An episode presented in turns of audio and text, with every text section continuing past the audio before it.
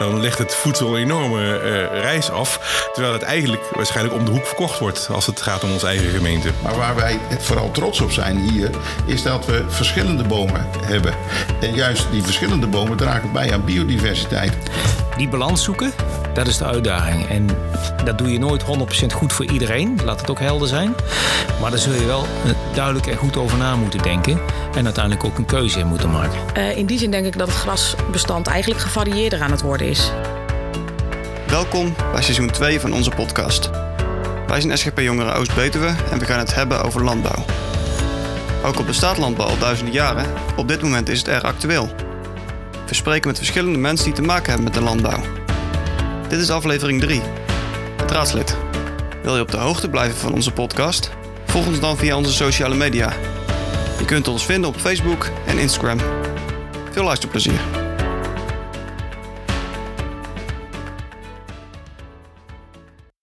Kunt u zichzelf voorstellen? Dat kan zeker. Mijn naam is uh, Erik Saaier. Ik ben woonachtig in Linde, 48 jaar jong. Uh, sinds een jaar of acht actief in de politiek van de gemeente Buren. Namens de fractie van de PCG. Waarvan de laatste vier jaar uh, als fractievoorzitter.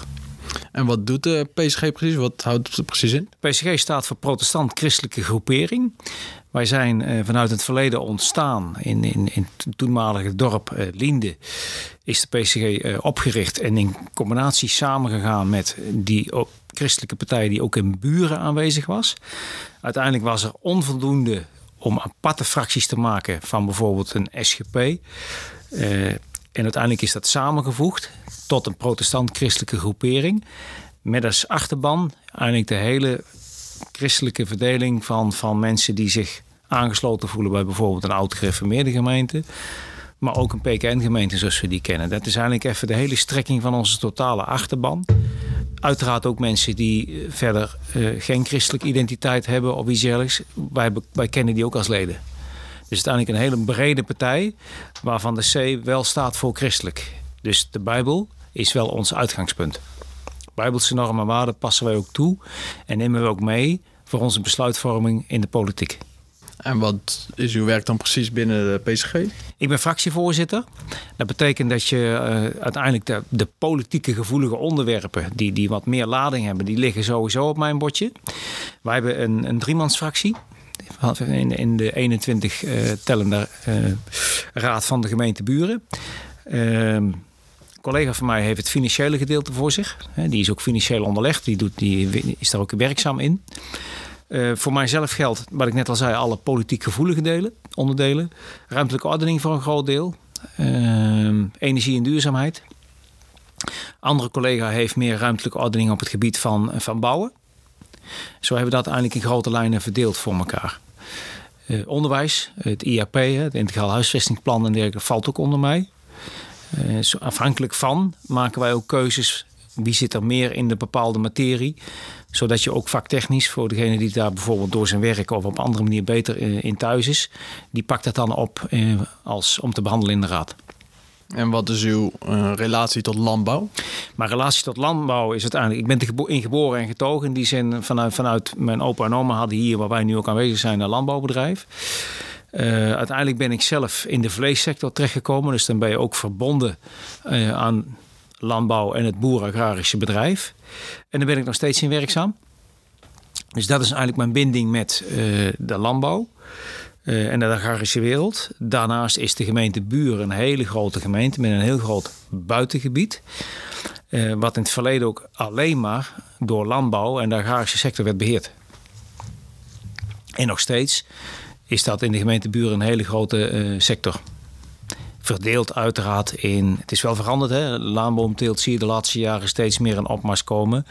Daarnaast de, fruit, de fruitteeltsector, een hele grote sector met een heel groot areaal ook in onze gemeente Buren. Maar akkerbouw ook, dat zien we ook terug in onze gemeente nog steeds. En van welk belang is dat voor de gemeente, die, die landbouw?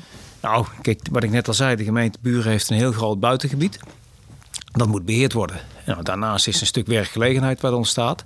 En uiteindelijk is dat ook de identiteit van de gemeente als het gaat over het grote buitengebied. Net zo goed is dat je gemeentes hebt waar bijvoorbeeld heel veel kassenbouw is. Met alle vormen van werkgelegenheid en aanverwante sectoren die daar ook weer van mee eten, om het maar zo uit te drukken.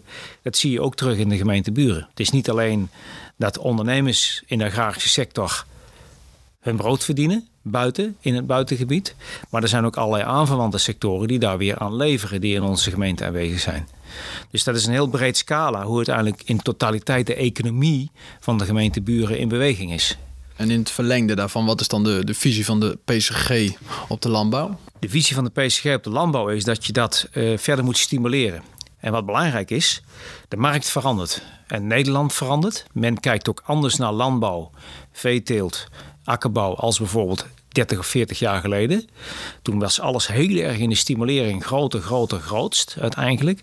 Daar zie je een kentering in komen. Dat is niet alleen in de gemeente Buren zo, dat zie je in heel Nederland. De bewustwording van hoe, hoe maken wij ons voedsel, hoe telen wij ons voedsel, hoe gaan we om met dieren, dat zie je heel erg veranderen. Een heel, heel mooi voorbeeld daarvan is het eigenlijk.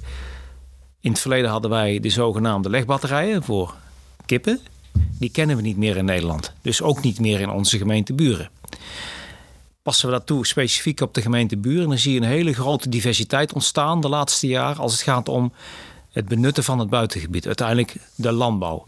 En dat varieert van heel veel moderne fruitteelt, de ouderwetse hoogstam, die we allemaal heel mooi vinden, maar die zien we niet meer. Dat is bijna niet meer uit te halen, commercieel uit te buiten, om daar uiteindelijk brood mee te verdienen. Dat is gewoon veel te arbeidsintensief. Uh, daarnaast zien we bijvoorbeeld ook uh, in, de, in, in het dorpje Erichem het wijndomein. Dan zul je zeggen, ja, maar dat is een nieuwe vorm... wat toch ontstaan is in de gemeenteburen... dat daar exclusieve wijnen worden geteeld. Oftewel de druiven die daar dan uiteindelijk voor uh, bedoeld zijn. Dat, dat laat zien in de gemeenteburen dat er heel veel diversiteit is aan landbouw. Aan de andere kant kennen we ook heel veel buitengebied, bijvoorbeeld de uiterwaarden. Dat is dan ook weer vanuit de Nederlandse overheid zo gestimuleerd.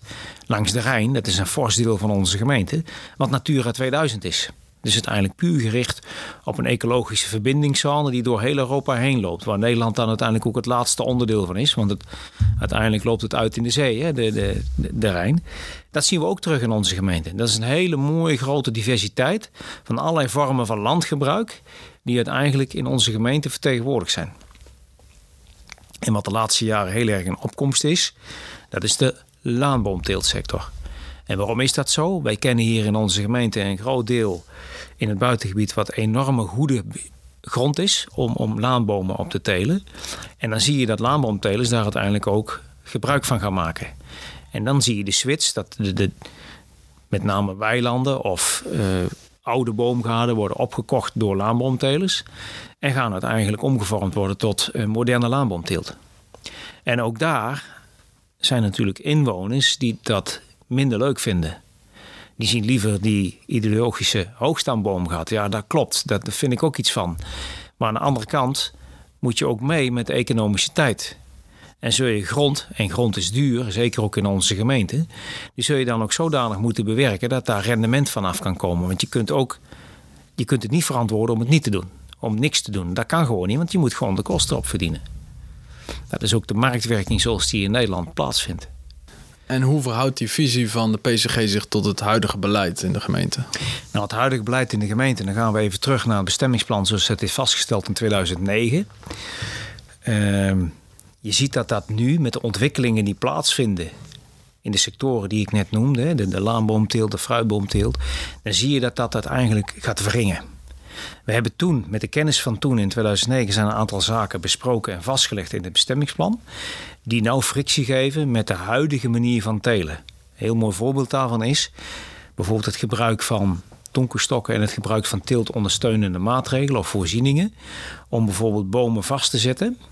En je ziet dat het eigenlijk ook in combinatie met archeologie, wat in de gemeente Buren rijkelijk vertegenwoordigd is, omdat we ook nog een stukje langs de limes hebben liggen in onze gemeente. Nou, dan zie je dat verschillende belangen zich gaan, die worden tegenstrijdig. Een deel van bijvoorbeeld de milieuwerkgroep die wij in onze gemeente ook kennen, die willen die belangen verdedigen in de vorm van archeologie. En dan zou je dus een aantal dingen niet mogen. Wat de sector, om het eigenlijk verder te kunnen, wel graag zou willen. Of sterker nog, wat noodzakelijk is. je zult die bomen moeten rooien met een kluitje eraan. Dan ga je dieper als 30 centimeter. En zo zijn er een aantal van die zaken die geven uiteindelijk frictie. De PCG wil daar zeker ook hun verantwoordelijkheid in nemen. Hoe kun je die belangen nu op een zo goed mogelijke manier wegzetten in je beleid? En dat geeft heel veel discussie. Want iedere partij denkt uiteindelijk dat ze het bij het rechte eind hebben.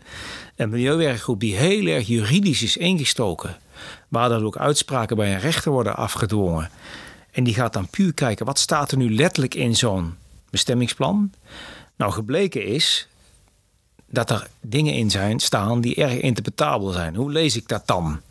En dan kun je heel goed begrijpen dat een ondernemer die daar direct mee te maken heeft, dat heel anders leest, mogelijk wil lezen, als een rechter of iemand vanuit een milieuwerkgroep. En dat is op dit moment het probleem in onze gemeente, of de uitdaging, zo moet ik hem eigenlijk eh, wegzetten. Hoe ga je dat nu met de nieuwe omgevingsvisie die nu voor ligt, waar we nu met elkaar als gemeenteraad over praten en uiteraard inwoners en bedrijven, hoe ga je dat opnieuw vormgeven? Dat is namelijk ook heel belangrijk, dat proces, dat we dat nu heel goed gaan doen, omdat dat zich ook weer gaat vertalen naar het beleid wat straks vanuit een omgevingswet naar voren komt. Dus op het moment als je in die omgevingsvisie zaken goed regelt, hoe dat je bepaalde dingen met elkaar ingericht wil hebben in het buitengebied, wat wel, wat niet, of waar. Waar je bijvoorbeeld wel pottenvelden hebben, hè, die die boomtelers op dit moment nodig hebben om het hele jaar rond te kunnen leveren, of waar niet. Dat moet je met elkaar goed afstemmen in zo'n omgevingsvisie. Die omgevingsvisie zijn dan kaders. Dat is dan het kader wat je straks meegeeft aan het college om uiteindelijk daarmee verder te kunnen. Om bijvoorbeeld ondernemers in het buitengebied de ruimte te geven. Nou, dat is iets wat een heel erg belangrijk proces is voor de PCG. Om daar ook hun achterban, hun de ondernemers die ook op de PCG gestemd hebben, om die belangen goed te behartigen en te verdedigen. En ook uiteraard zoveel mogelijk ruimte daarin te zoeken. Dat betekent wel dat je ook respect moet hebben voor bepaalde gebieden waar dat gewoon niet kan. Technisch wel zou kunnen, omdat bijvoorbeeld de grondsoort goed is. Maar als dat gebied een bepaalde status heeft, waarvan natuurwaarden nogal fors zijn, ja, dan moet je misschien toch besluiten door te zeggen, nou dat past daar niet voor de totale uitstraling van onze gemeente. Dan moet je dat uiteindelijk ook zo laten. Die balans zoeken, dat is de uitdaging. En dat doe je nooit 100% goed voor iedereen, laat het ook helder zijn. Maar daar zul je wel eh, duidelijk en goed over na moeten denken en uiteindelijk ook een keuze in moeten maken. En dat is hetgene wat de PCG op dit moment uh, zich heel hard voor maakt. En bij het opstellen van zo'n uh, omgevingsvisie zitten daar dan ook al die belanghebbenden bij met hun eigen interpretatie en visie? Wat er is gebeurd, die omgevingsvisie is gepresenteerd. Het was een heel lijvig dik document. In tegenstelling tot uh, Neder-Betuwe, waar het een heel kort en bondig document was met alleen de visie. En die van de gemeente Buren leek meer op een complete planologische uitvoering. Met als gevolg dat je heel gedetailleerd, met heel veel pagina's, uiteindelijk die omgevingsvisie eh, presenteert als gemeente. Dat is ook gebeurd. Het gevolg daarvan is dat er ontzettend veel zienswijzen zijn binnengekomen. Omdat inwoners of bedrijven al heel concreet konden zeggen: hey, dit gebeurt vlak bij mijn huis. Of dit gebeurt bij mij. Of dit is het beleid, gaat het beleid worden bij mij waar ik een stuk grond heb liggen dan krijg je allerlei zienswijzes. Meer dan 130 zijn er ingediend. Nou, dan, dan creëer je ontzettend veel werk als gemeente. aan de ene kant is het verleidelijk om dat te doen. Een hele gedetailleerde omgevingsvisie, zodat je hele duidelijke, scherpe kaders wegstelt. Aan de andere kant belem je jezelf in de ruimte die je gaat zoeken naar de toekomst toe. In dat proces zitten wij nu als uh, gemeente, als gemeenteburen. Ja, want welke ruimte is er voor uh, nieuwe ontwikkelingen? Als er bijvoorbeeld nieuwe technologische mogelijkheden zijn, is dat wel uh, is dan de visie nog steeds haalbaar? Nou, dat is een, hele goede vraag. Kijk je naar nieuwe technologische ontwikkelingen die op dit moment plaatsvinden in de markt. Hè, nou, dan noem ik het voorbeeld van pottenvelden. Technologische ontwikkelingen, dat bomen uh, in een bepaald potje met allerlei technische voorzieningen het hele jaar rond uiteindelijk uit de grond gehaald kunnen worden of vanuit de pot geleverd kunnen worden. Dat biedt heel veel kansen om het jaar rond voor boomtelers te kunnen leveren. Aan de andere kant hebben die pottenvelden een bepaalde uitstraling, wat nogal een beetje industrieachtig lijkt. Het is niet grondgebonden. Ja, dat, dat geeft frictie in die omgevingsvisie. Zeker met de oude omgevingsvisie of met, de oude, met oude bestemmingsplan. En daar zul je moeten kijken welke ruimte willen we dan geven daarin. Het is een ontwikkeling die gaat gebeuren. Je kunt zeggen, we doen helemaal niks. Met als gevolg dat ondernemers op achterstand komen. Hun concurrentiepositie ook niet meer aan kunnen gaan. Zeker niet met bijvoorbeeld de gemeente Nederbetuwe, waar dat beleid op het gebied van Pottenvelden heel ruimhartig is.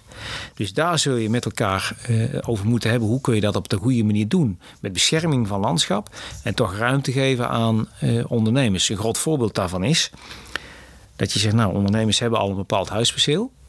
Waar ze bijvoorbeeld een huis in de schuur en, en, en mogelijk ook, ook al grond omheen hebben liggen dat je dat meer grondgebonden maakt en perceelsgebonden aan het bouwperceel. Dat je zegt, nou daar krijg je de ruimte om een groot pottenveld te maken. Dus niet zo ergens midden in, in het veld, waar verder niks staat dan alleen boomgaarden en bijvoorbeeld uh, kwekerijen, laanboomkwekerijen. En dat je daar zegt, nou dan mag je ook in één keer een heel groot pottenveld realiseren. Dat is de, de discussie die, die je met elkaar op een gezonde manier moet voeren. En dat moet je wel open met een open mind doen. Want anders zou je ook echt zaken op slot zetten. En dat zou natuurlijk erg jammer zijn. Het is gewoon een serieuze sector die zich ontwikkelt. En dat geldt ook voor de, fruitboom, eh, voor de fruitbomen. Dat is ook een sector die zich verder ontwikkelt. Kijk je naar de hele uh, irrigatie die, en de bevoeding die zij gaan toepassen. Dat zijn gewoon moderne manieren van. Om dat fruit ook met een zo goed mogelijke kwaliteit af te kunnen leveren. Van de boom af te kunnen krijgen einde van het jaar.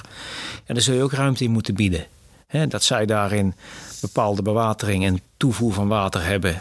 Uh, bepaalde machines hebben staan om dat water uiteindelijk de boomgaat in te kunnen brengen. Dat is een hele andere uitstraling als bijvoorbeeld de ouderwetse hoogstaanboomgaat met een sloot en een rietkraag eromheen. Dus dat zijn wel verantwoordelijkheden die uiteindelijk ook wel op het bordje van de gemeente komen om daar een keuze in te maken.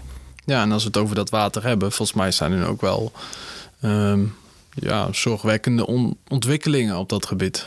Ja, dan praat je over uh, waarschijnlijk de strategische watervoorraad die de provincie wil uh, aanleggen. Dat is een heel groot vraagstuk. En zoals we het nu bekijken, is dat ook best wel een fors dilemma, omdat het gewoon grote beperkingen geeft, onder andere voor die laan- en die fruitboomsector.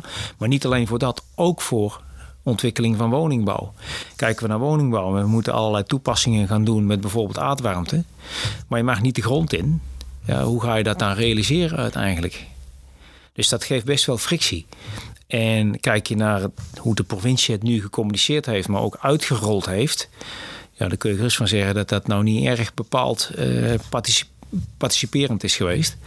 Uiteindelijk zijn we ermee geconfronteerd. En niet alleen in, in de gemeente Nederbetuwe, maar ook in Buren, door de provincie. Met de keuze van de gebieden voor die strategische watervoorraden die men daar dan wil aanleggen of wil gaan maken. Ja, dat geeft uiteindelijk heel veel beperkingen. Ook, ook op het gebied van bijvoorbeeld behandeling van uh, gewasbeschermingsmiddelen. Ja, dat is eigenlijk een hele kwalijke zaak. Dat dat eerst zo neer wordt gelegd zonder dat er vooraf overleg is geweest. Want iedereen begrijpt, ook onze ondernemers in de gemeente Buren, dat zoiets er moet zijn. Want we moeten ook allemaal water hebben voor het gebruik van ons als, als inwoners. Maar dat dat zonder overleg zo wordt aangewezen, dat is gewoon echt een gemiste kans van de provincie. Dus er zijn allerlei zienswijzes op ingediend, er zijn bezwaren voor ingediend. Hoe dat het proces verder gaat lopen is nog onbekend. Daar maken we onszelf als PSG zeker heel erg hard voor. Om die belangen die daar vanuit voortvloeien, vanuit die keuzes die de provincie gemaakt heeft, om die te batigen. En zijn er verder nog algemeen kijkend naar de hele landbouw nog belangrijke ontwikkelingen? Die zijn er zeker. En dan praten we over energie. Je ziet natuurlijk dat op dit moment met de energievraag die er is en de transitie om dat duurzaam te maken, die gaat ook een beroep doen op landbouwgrond. En dat zien we natuurlijk ook in heel Nederland gebeuren. En dan heb je een keuze tegenwoordig, op dit moment, zonnepanelen of windmolens. Nou, het is bekend dat windmolens vragen veel minder landbouwgrond uiteindelijk als bijvoorbeeld zonnepanelen. En dan krijg je ook weer frictie. Wat, wat zien we dan? Wat willen we dan zien? Nou, inwoners vinden een windmolen vlak bij huis helemaal niks. Een ondernemer op het land, op zijn land, mogelijk wel. Dat kan ook een stuk rendement zijn. Uh, zonnepanelen daarentegen kan ook een stuk rendement zijn. Alleen dat vraagt weer heel veel land. Met als gevolg dat je frictie krijgt. We hebben heel veel grond nodig om uiteindelijk de komende acht jaar in de gemeente Buren 1400 woningen te realiseren. Dus die grondvraag die stijgt. Aan de andere kant hebben we ook heel veel grond nodig om eh, ons voedsel te voorzien. Van voedsel te voorzien. Bedrijfssectoren, waar we het net al uitvoerig over hebben gehad, die ook steeds groter worden. Dus goede landbouwgrond wordt schaars. Dus als daar ook nog een beroep wordt gedaan voor de energietransitie op goede landbouwgrond of op landbouwgrond, dat geeft een enorm prijsopdrijvend effect. En daar zul je ook een balans in moeten zien te vinden. Plus dat we onszelf als gemeenteraad, dus uiteindelijk ook als vertegenwoordigers van de inwoners van de gemeenteburen, moeten en durven uit te spreken van wat vinden wij nou van al die zonnepanelen op dat land. En daarin is iedere fractie, inclusief de PSG, heel duidelijk in geweest, ook in de afgelopen verkiezingen. Geen zonnepanelen op landbouwgrond. Waarvan uiteindelijk het alternatief is: eerst de daken vol. Nou, we zien dus dat er veel verschillende zaken belangrijk zijn. De energietransitie, de woningbouw, uh, maar ook de bereikbaarheid van de gemeente. En hoe wordt er tussen die verschillende belangen uh, die balans gecreëerd waar je het net al uh, kort even over had? Wat we zien is dat de gemeenteraad en het college veel tijd en energie gestoken hebben in waar kun je nu uiteindelijk op een hele logische, aansluitende manier woningbouw realiseren. Welke kernen hebben de grootste behoefte? Hoe zit het met infrastructuurontsluiting? En wat is logisch om bepaalde waarden in stand te houden? Dat kan zijn een bepaald aanzicht van bijvoorbeeld het stadje Buren wat we kennen. Dat je zegt, nou, je kunt recht voor het stadje voor de aan, kun, je woningbouw realiseren. Alleen dan gaat de identiteit van het stadje verdwijnt. Er zijn ook best wel een aantal kernen, daar is Linde ook een groot voorbeeld van, die de laatste jaren woonnieuwbouw hebben gerealiseerd. Het is alweer even geleden overigens in Linde. Daar ligt ook nog steeds landbouwgrond tegenaan, wat nu gewoon als landbouwgrond wordt geëxploiteerd. Met op zichzelf een goede ontsluiting. De N320 is daar het voorbeeld van. Waar je van kunt zeggen, die landbouwgrond die proberen we in te lijven om woningbouw te realiseren tegen de bestaande kern aan. En dat zie je bijvoorbeeld gebeuren in Linde, maar ook in Maurik. Kijk je om en bij het gemeentehuis, waar een nieuwe school is gezet uiteindelijk, een aantal jaren geleden, daarmee nieuwbouw gecreëerd. En nu weer een heel groot nieuwbouwproject wordt afgerond. Dus dat is eigenlijk de, de, de manier hoe je kijkt om te zeggen, ik, hoe kan ik een bestaande kern uitbreiden, waar goede infrastructuur naartoe ligt. En op die manier bouw je tegen de kern aan. Er zitten ook risico's aan. Hè? Nou is dat in onze gemeente, omdat we heel uitgestrekt zijn met kernen die best ver van elkaar liggen, is dat minder snel aanwezig. Maar voordat je het weet, heb je, krijg je een soort lintbebouwing. heb je een paar kernen tegen elkaar aan zitten. Daar moet je natuurlijk voor waken. Wat we ook zien, waar heel sterk naar gekeken is, er zijn ook voorbeelden van, ook hier vlakbij in Ommeren, dat is inbreiding. Dus in de kern zelf ligt bijvoorbeeld nog een braakstuk grond, of er heeft in het verleden een bepaald industriebedrijf gestaan wat leeg staat. Hier een ook voorbeelden van. Dat wordt gesloopt en uiteindelijk realiseer je daar dan in de kern zelf een aantal woningen. Kerk Avenzaat is daar ook een heel mooi voorbeeld van. Dat is onlangs eh, besloten ook door de Raad. Waar in het verleden een benzinepomp stond en een garagebedrijf... wat helemaal niet meer gebruikt werd. Dat stond allemaal braak, allemaal leeg. En nog een oude supermarkt. Dat wordt afgebroken en worden woningen gerealiseerd. En als je dat proces heel erg goed doet met de inwoners zeker de inwoners erbij betrekken. Voor de participatie. Hoe zien jullie dat? Wat willen jullie daarin? Hoe moet dat eruit komen zien? Ontsluiting moet je heel goed regelen, dat men er ook veilig kan komen. Zeker ook als je te maken hebt met schoolroutes. Dan moet je ontzettend goed organiseren, zodat daar geen situaties ontstaan waar je later spijt van krijgt. Dat is de balans en de wijze waarop de gemeente Buren dat doen ze best goed. Eén ding eh, vind ik daar nog wel wat van, dat is dat het niet erg snel gaat. En dat is jammer, want we zien dat prijzen alleen maar stijgen. En we zien ook dat daardoor potentiële inwoners, dus, dus kinderen uit gezinnen die, die, die opgroeien en die je eigen stek willen, ja, die zie je uitwijken naar buurgemeenten. Omdat daar wel de gelegenheid is om een huis te kopen. Dus dat is nog wel een, een punt van aandacht waar we in onze gemeente op echt, echt uh, voortgang mee moeten maken. De snelheid van ontwikkeling en uiteindelijk werkelijk de snelheid van het bouwen. Ja, en, dat is dan het, het bouwen, wat ook op landbouwgrond gebeurt. Um, en kijkt de PSG dan ook actief naar de, de verduurzaming van de landbouw zelf? Hoe daarop uh, gestuurd kan worden? Dat is een deel verantwoordelijkheid die grotendeels ook bij de ondernemer zelf ligt. Wat we wel doen, daar hebben wij namelijk ook de invloed op, is op het moment als een ondernemer een vergunning aanvraagt voor een nieuwe schuur.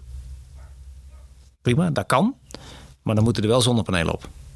Dat kun je dan vergunningstechnisch vierkant wegzetten.